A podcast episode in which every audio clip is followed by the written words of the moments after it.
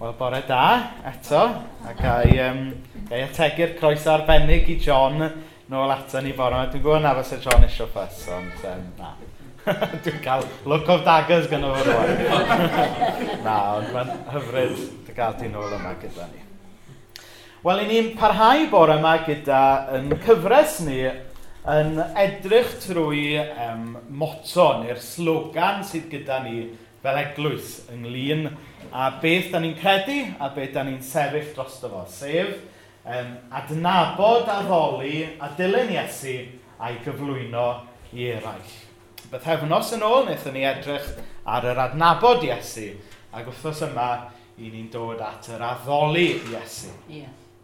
Nawr, o'n i'n teimlo tymor yma, bys o fo'n dda i ni dreulio chydig amser yn edrych ar hwn, fel yn bod ni gyd yn gwybod um, be ydyn ni am fel eglwys. Dwi'n gwybod bod hwnna ddim yn Gymraeg da iawn, ond chi'n deall beth sy'n gyda fi. Um, yn yw mae yna ma lot o fwrlwm gyda ni fel eglwys am eglwys fach, ac yng nghanol y bwrlwm, mae'n bwysig bod ni'n gwybod be mae'r llaw, bod y llaw dde yn gwybod be mae'r llaw chwyth yn neud, ydy. A bod ni gyd yn gwybod, er gweitha'r bwrlwm a'r gwahanol, weinodogaethau gwahanol sydd gyda ni, mae'n bwysig bod ni yn cadw'n undod A un ffordd o wneud hwnna falle yw ystyried tymor yma be mae y moto yma sydd gyda ni yn i olygu yeah. um, ac y gallwn ni gyd droi o'i gwmpas e. Hynny yw, gwestiwn gyda yw pam cael moto o gwbl? Wel, i ni yn byw yn oes y soundbites, os ydyn ni licio hynna neu beidio. Mae gan bob cwmni, mae gan bob mudiad, mae gan bawb i slogan yn does, rhyw frawddeg slick, Ti'n esbonio'n gryno am be maen nhw'n sefyll drosto.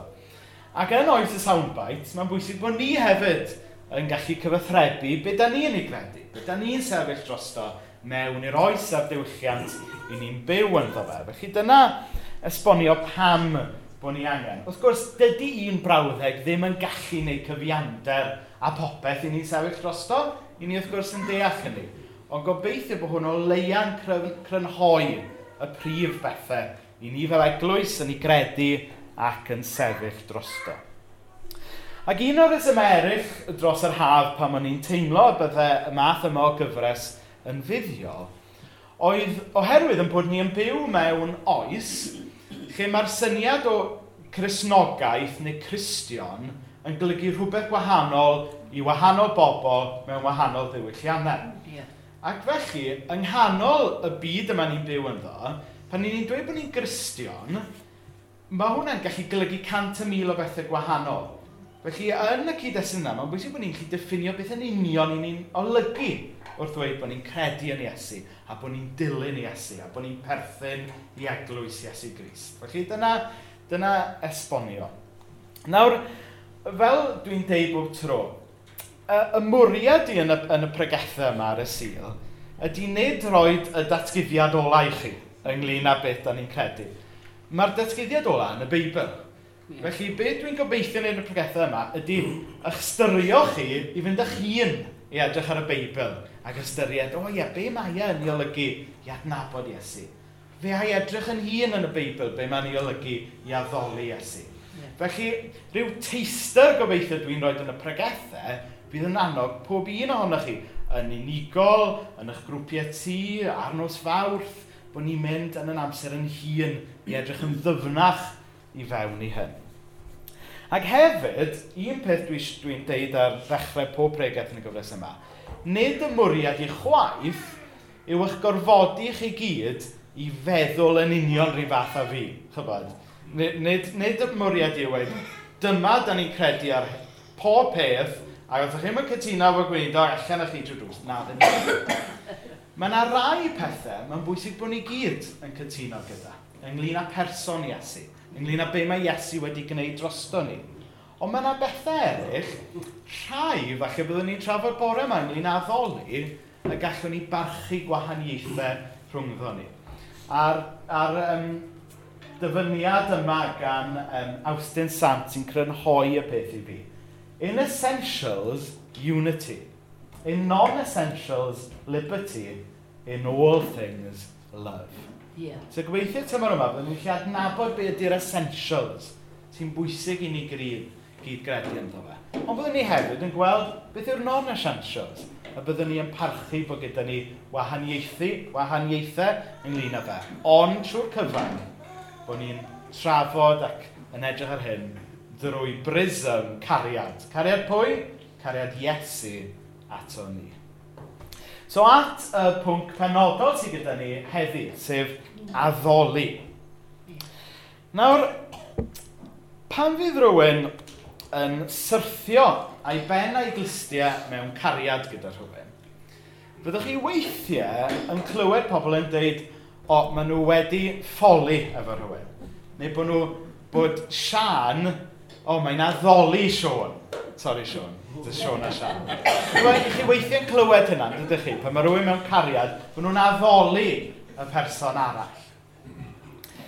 Neu falle, fyddwch chi'n meddwl weithio bod brwdfrydedd pobl dros dîm chwaraeon falle yn debyg iawn i addoli, yn dydy? Hynny yw, edrychwch ar yr olygfa yma. Dwi'n yn siŵr yn union pa chwaraeon a pa dîm y bobl yma yn ei addoli.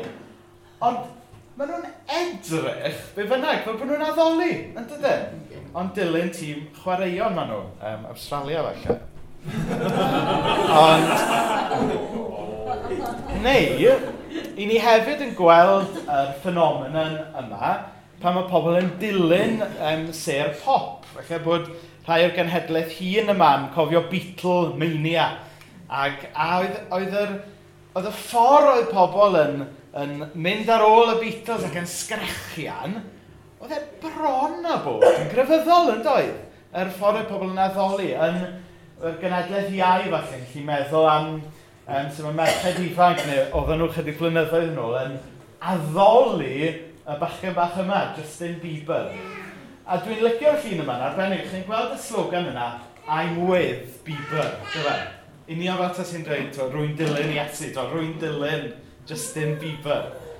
A mae'n ddiddorol yn dydy bod, bod yr holl storys yma dwi'n ei rannu gyda chi nawr yn dangos i ni fi meddwl bod ni gyd wrth y reddf yn addolwyr ac eisiau addoli rhywbeth. Chwa, mae o yn yn DNA ni. Ni wedi'n creu i addoli. Ac wrth gwrs, yn y byd ni'n byw ynddo fe, mae pobl yn mynd i addoli pob math o bethau. A wathyn ni gyfaddau bod ni yn ymuno ar dorf yn aml iawn. Felly dyna pam dwi'n meddwl bod yn bwysig bod ni'n neud y distinction, nid jyst bod ni'n addolwyr, ond bod ni'n addoli Iesu. Bod ni'n neud y distinction yna ynglyn â pwy i ni yn i addoli. Wedyn mae y mor hawdd i ni fynd i addoli pethau eraill.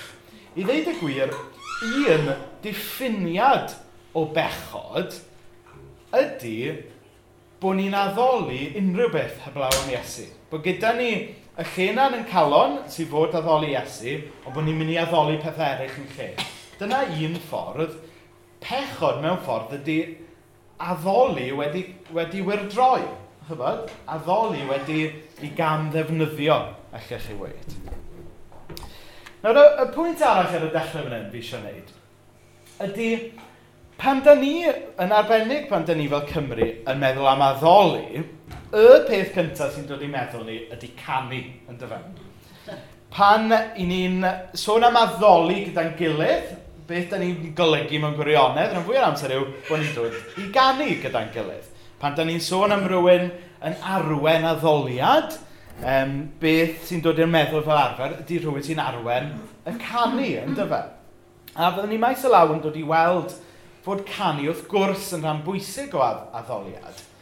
Ond rhywsut yn yn traddodiad ni, mae ddoli wedi dod yn ddim byd mwy na canu.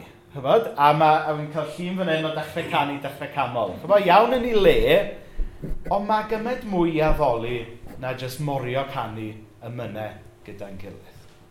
A'r dan cyntaf o'r Beibl dwi am mynd i droi at y bore yma felly, ydy rhyfeiniad 12 adnod un. Trwy gydol y gyfres yma, dwi eisiau ni wastad seilio beth da ni'n deud ynglyn â beth da ni'n credu ar rannau o'r Beibl. A rhyfeiniad um, 12 1. Felly, am fod Dyw wedi bod mor drigarog wrthoch chi, frodyr a chwiorydd, dwi'n apelio ar i chi roi eich hunain yn llwyr i Ddew Cyflwyno eich cyrff iddo fel aberthau byw, rhai sy'n lân ac yn dderbyniol ganddo. Dyna beth ydy addoliad go iawn. A dwi'n meddwl bod yr adnod yma yn adnod allweddol i ni ddeall beth ydy addoli a sut y dylen ni i addoli. Y peth cyntaf sy'n sefyll allan yw bod yn addoliad ni yn digwydd mewn ymateb i gariad gras a trigaredd Dyw tuag eto ni. A mae hwn yn crucial bod ni'n deall bod addoliad yn ymateb i rhywbeth mae Dyw yn gyntaf wedi wneud. Achos mae e mor hawdd i ni gam ddeall hwnna, ac i ni fynd i feddwl fel, o, oh, bod eisiau fi addoli mwy er mwyn dal sylw Dyw. Neu bod, neu'r mwyaf i fi'n byw bywyd o addoliad, y mwyaf bydd Dyw yn fy ngharu. Mae rhyw fath o performance-based thing yw y bywyd chrysnogol, chi'n gwybod. Um, chi'n meddwl nawr ynglyn â plant yn perfformio yn, mewn cyngerdd neu yn yr eisteddfod yn arbennig.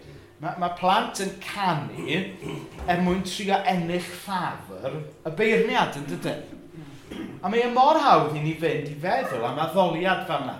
Bod ni jyst yn neud e er mwyn trio ennill ffafr Dyw. Ond mae Dyw eisoes yn bles yn Iesu. Ac i ni yn cael profi y fendydd mm o mm-hmm. trystio'n Iesu. Does dim angen i ni addoli Dyw er mwyn dal ei sylw fe. Mae e eisoes yn edrych allan amdano ni, yn galw ni, yn caru ni. Does dim eisiau ni addoli Dyw i ennill ffafr Dyw, rwy'n mae yn bles yn Iesu. Mae'n addoliad ni fechyn beth sy'n digwydd mewn ymateb i'r ffaith bod Dyw eisoes yn yn caru ni.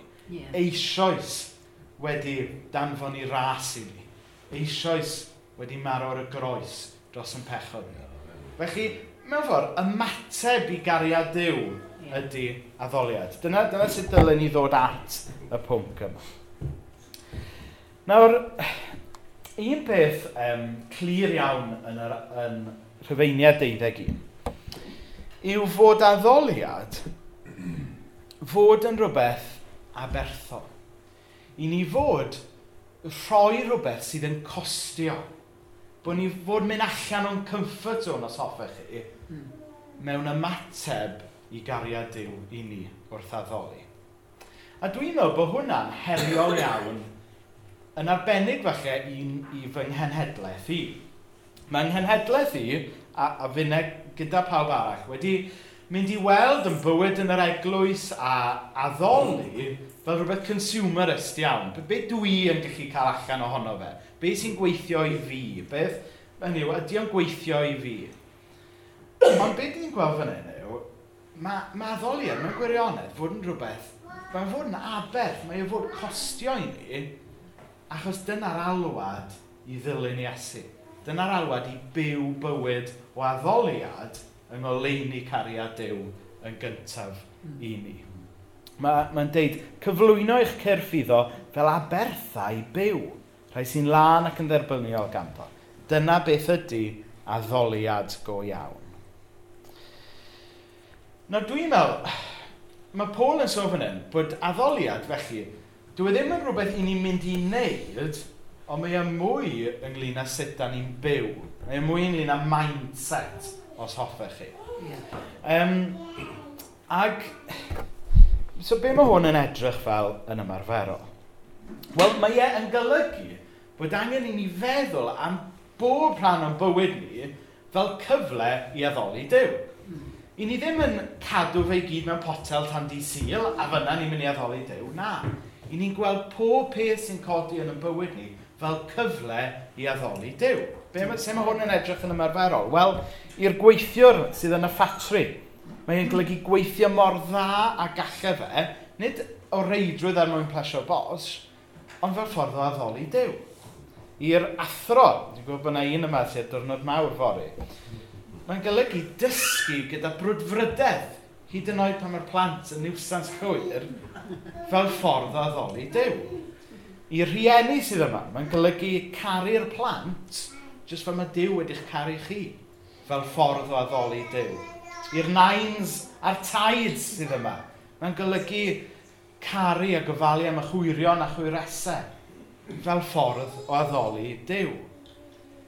Hynny yw, mae gwir addoliad, mae byw bywydau fel aberth byw – yn golygu gweld yn bywydau ni fel un cyfle mawr, un prosiect mawr i addoli Dyw.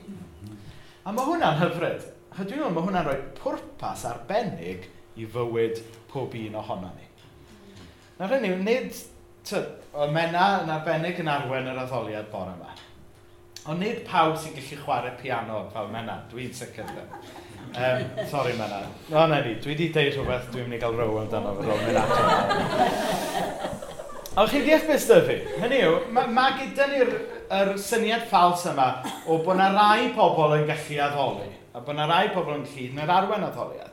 Ond dwi'n deitha chi rwan, mae pawb sy'n adnabod Iesu yn gallu byw bywyd o addoliad Falle mai nid trwy gan o'r heidrwydd mae Dyw yn galw chi i fywyd o ddoliad.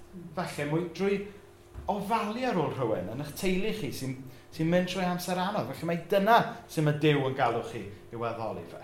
Falle pan i chi'n neud rhywbeth anodd yn y gwaith, falle mae dyna'ch cyfle chi i wneud ei ddew ac i addoli dew.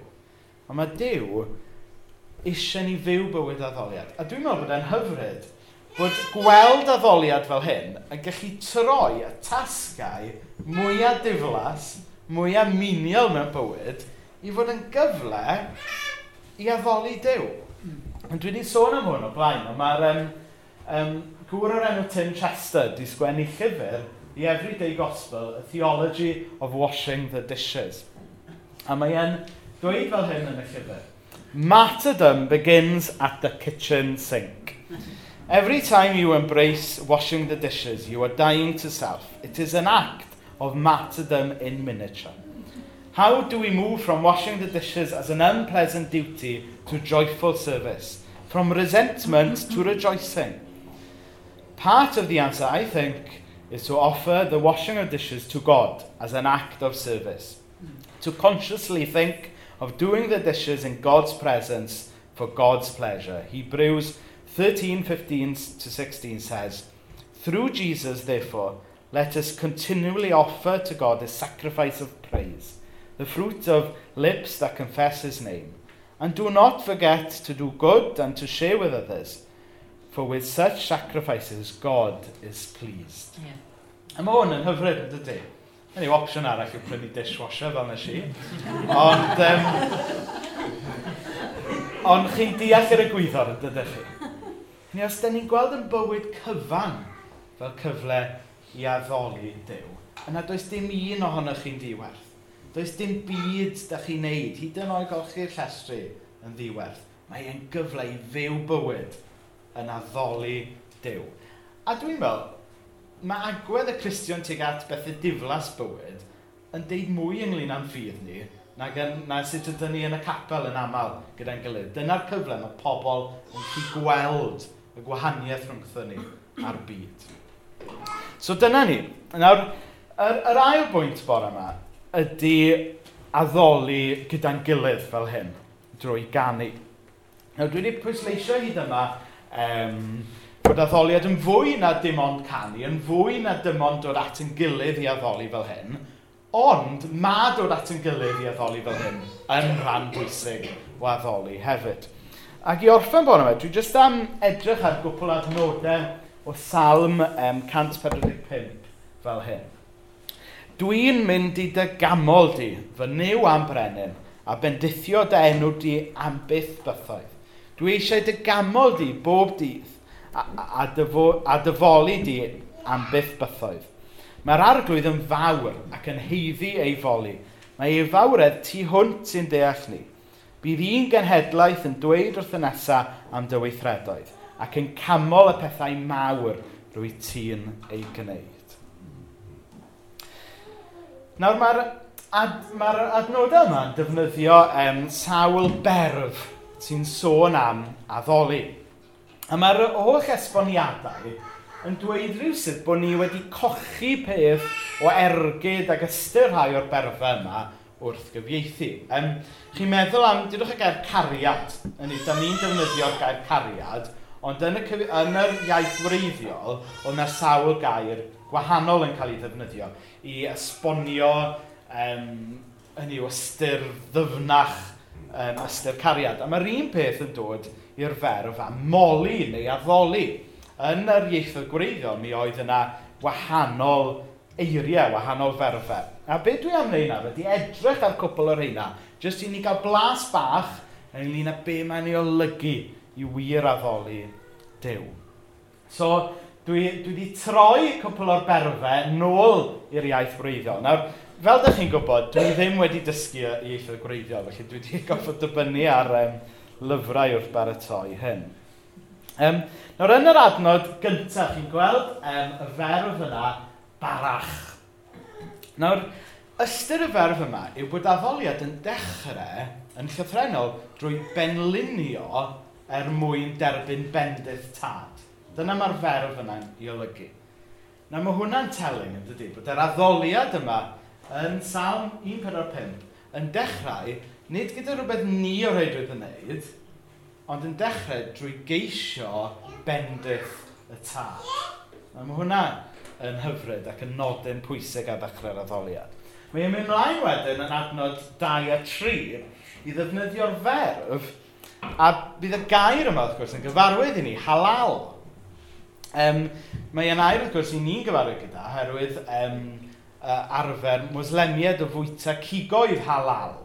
A, ac yn hwnna, newch chi falle gweithio allan i ystyr e, sef, um, sef gwneud rhywbeth um, swngchyd gweladwy er mwyn rhoi clod i ddew, chi'n gwybod. So, yn amlwg mae'r Muslimiad, yn ei traddodiad nhw, drwy fita bwydydd halal, mae, mae hwnna'n weithred o addoliad iddyn nhw, chi'n gwybod. Ond, yn y pwynt ydy, mae'r ferf yma'n golygu bod ni fod gwneud rhywbeth um, swngchyd. Oedd un, um, oedd un geiriadur yn dweud bod e'n golygu twreif be clamorously foolish. Hynny yw, mewn geiriau eraill, i beidio dal yn ôl wrth addoli. Dwi'n dwi, meddwl mai yn, yn ei hanfod dyna beth yw'r ferf. Bod ni fod gwneud rhywbeth a bod ni ddim fod dal yn ôl. Ymlaen yn adnod pedwar mae gyda ni'r ferf siabach. A ystyr chythrannol hwnna yw rhoi bloedd i ddew. A mae hwnna'n hyfryd. Um, nes ymlaen yn adnod deg, dwi e ddim ar y sgrin, mae gyda ni'r ferf iada, sy'n golygu gwneud arwydd cyhoeddus, gwneud rhywbeth o public sign bod chi'n addoli Dyw. A dyna yw'r ferf sy'n cymell um, rhai pobl yn debyg i, i godi braich tra bod nhw'n addoli. Dyna yw'r weithred gyhoeddus o addoli. Hynny yw, beth dwi'n be dwi'n gobeithio bod ni'n gwneud fan hyn, a be mae'r berfau yma'n dangos, yw bod Dyw eisiau ni roed y cwbl wrth bod ni yn ei addoli fe. Hynny yw, mae'r weithred o addoli gyda'n gilydd drwy gan yn wahanol dydwch jyst i ganu mewn cor. A ddim bod i byd yn bod gyda canu mewn cor. Eto, mae'n wraig i mwynhau canu mewn cor. Dydw i ddim yn dach pam. Ond... Chi'n eich beth sy'n gyda fi? Fe ddylen addoliad ni fod yn rhywbeth sydd yn ymeddiannu ni. Lle ni'n rhoi y cyfan i ddew. Lle ni yn bloeddio yn uchel weithiau. Lle ni yn wneud arwydd cyhoeddus. Lle ni hyd yn oed yn bod yn foolish. Nawr, dwi'n mysio nef yn dros bai llestri nawr. Ond chi'n deall beth sydd gyda fi. Nawr, dwi am orffen gyda'r stori yma. Um, cymerwch chi nawr gan gyfarwydd i ni fel Cymru. Um, dwi wedi dewis y gan lawr ar lan y môr. Mae pawb yn... Mae'n rhan fwy ohonoch chi'n gwybod hwnna. Mi gwrddais i a merchfach fel... Ge? Lawr, lawr ar lan y môr. Nawr, rhan fwy ohonoch chi'n gwybod y gan yna, mae'n siŵr di morio canu hi gyda ffrindiau um, ar y ffordd i gêm rygbi yn y coleg neu lle bynnag chi'n gwybod. Nawr, dwi di morio canu hi hefyd. Ond chyfo be, er y morio canu, nes i roed actually cyfarfod merch lawr ar lan y môr. a gallai fod yn sicr felly bod fi erioed wedi charu hi. Er mod i wedi morio canu y geiriau. Nawr yr her dwi eisiau gosod i bob un ohonyn ni ar y diwedd yw tybed ydyn ni wedi gwneud yr un camgymeriad wrth forio canu yn y mynau cyfarwydd ni. Tybed ydyn ni wedi morio canu Iesu, Iesu, rwy ti'n ddigon. Ond bod e ddim rili really yn dod o fyna. Tybed ydyn ni wedi morio canu hoch a chiog ydy'r un am cwyd i'r lan. Ond ydy e rili really wedi dod i fyna. Yn yr un ffordd, an mod i wedi morio canu am y ferch ar lan y môr, ond ddim go iawn wedi adnabod hi. Oes peryg i ni ganu a brwdfrydedd am Iesu heb wir i adnabod e. Os oes ydyn ni eisiau bod yn wir addolwyr i Iesu, mae e yn dechrau gyda be wnaethon ni edrych yn o pethefnos yn ôl, sef adnabod Iesu. Yeah. Os ydyn ni yn bobl sy'n wir yn adnabod Iesu, fe ddylen eich llawn ni fod yn fywyd o addoliad gan eich gadael chi gyda geiriau Pôl eto.